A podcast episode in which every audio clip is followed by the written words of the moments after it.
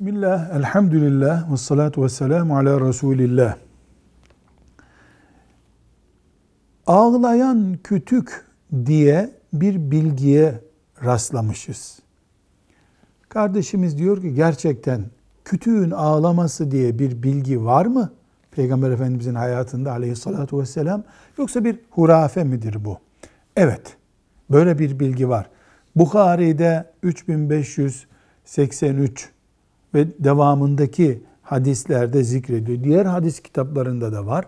Ağlayan kütük diye bir olay var. Olay şu, Efendimiz sallallahu aleyhi ve sellem bir kütüğün üzerine çıkıp konuşuyordu minber gibi. Yani herkes onu görsün diye.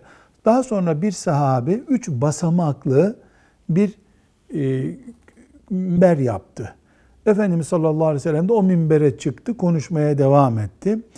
Bunun üzerine o kütük, daha önce çıktığı kütük, deve yavrusu gibi ya da yavrusunu kaybetmiş bir deve gibi sesler çıkar başladı. Ağlama sesleri çıkardı. Efendimiz sallallahu aleyhi ve sellem minberden indi, gitti bir çocuğu okşar gibi onu okşadı, sustu. Sonra buyurdu ki, bu ben onun üzerine çıkıp Allah'ı anıyordum, zikrediyordum. Artık onun üzerinde Allah'ın anılmayacağını anlayınca kaybettiği şeyin ağırlığından dolayı ağladı. Bunu şuraya gömün buyurdu sallallahu aleyhi ve sellem Efendimiz. Sonra ashab-ı kiram onu gömdüler. O gömdükleri yer şu anda Mescid-i Nebi'de Peygamber sallallahu aleyhi ve sellem Efendimizin mescidinde bir direğin adıdır.